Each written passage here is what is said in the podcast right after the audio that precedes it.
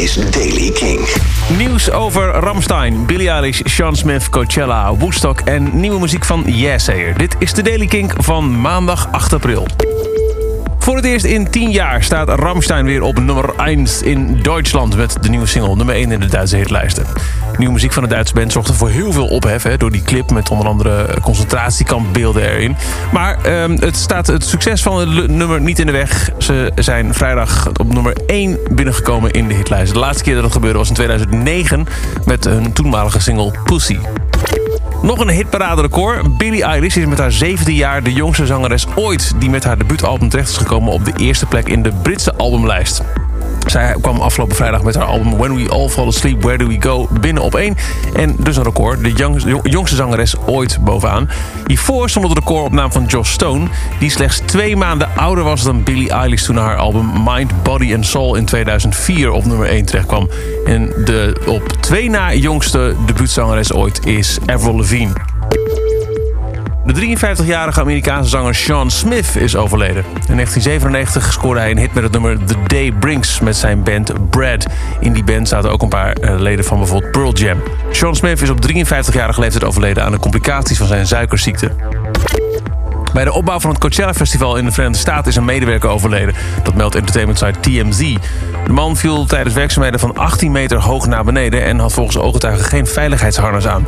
Politie en brandweer waren snel ter plaatse... maar troffen toen het crewlid al overleden aan. De doodsoorzaak wordt nog wel onderzocht. De Black Keys ze hebben zich teruggetrokken van het Woodstock 50 Festival. Ze waren eigenlijk gepland als een van de headliners... samen met Miley Cyrus en Imagine Dragons van de zogeheten Love Stage. Maar Dan Auerbach en Patsy Carney hebben nu bekendgemaakt via Twitter... Uh, dat ze vanwege een planningsconflict niet optreden. Ze hebben via Twitter laten weten ook zo snel mogelijk willen te laten weten aan hun fans... voordat de tickets in de verkoop gaan... en mensen dus op basis van hun niet doorgaande aanwezigheid een kaartje zouden kopen. En dan Yes Sayer. Het is heel lang stil geweest rond de band die je waarschijnlijk nog wel kent van Once Not Enough, O-N-I. Maar nu zijn ze er weer. Sowieso, lange stilte dat is een lied waar ze heel erg lekker op gaan. In 2012 kwamen ze met het album Fragrant World. Toen duurde het vier jaar tot 2016, toen Amen and Goodbye uitkwam.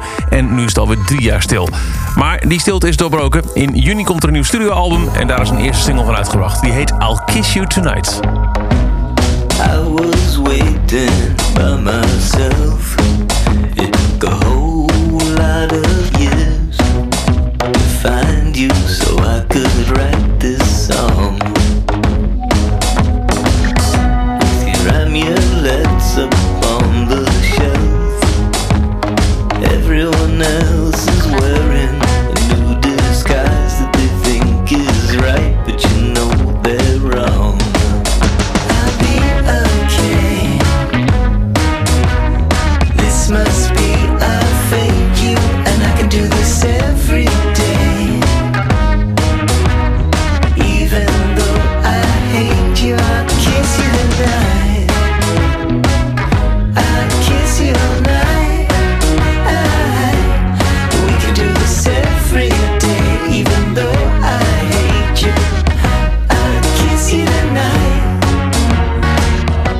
Terugkeer van Yes Sayer, I'll Kiss You Tonight. En daarmee een einde aan deze Daily Kink, die van maandag 8 april. Elke dag is er een nieuwe met de belangrijkste nieuws, headlines en ook nieuwe releases. Niks missen? Check dan dag in dag uit kink.nl, Deezer, Spotify of je favoriete podcast app. Elke dag het laatste muzieknieuws en de belangrijkste releases in de Daily Kink. Check hem op kink.nl of vraag om Daily Kink aan je smart speaker.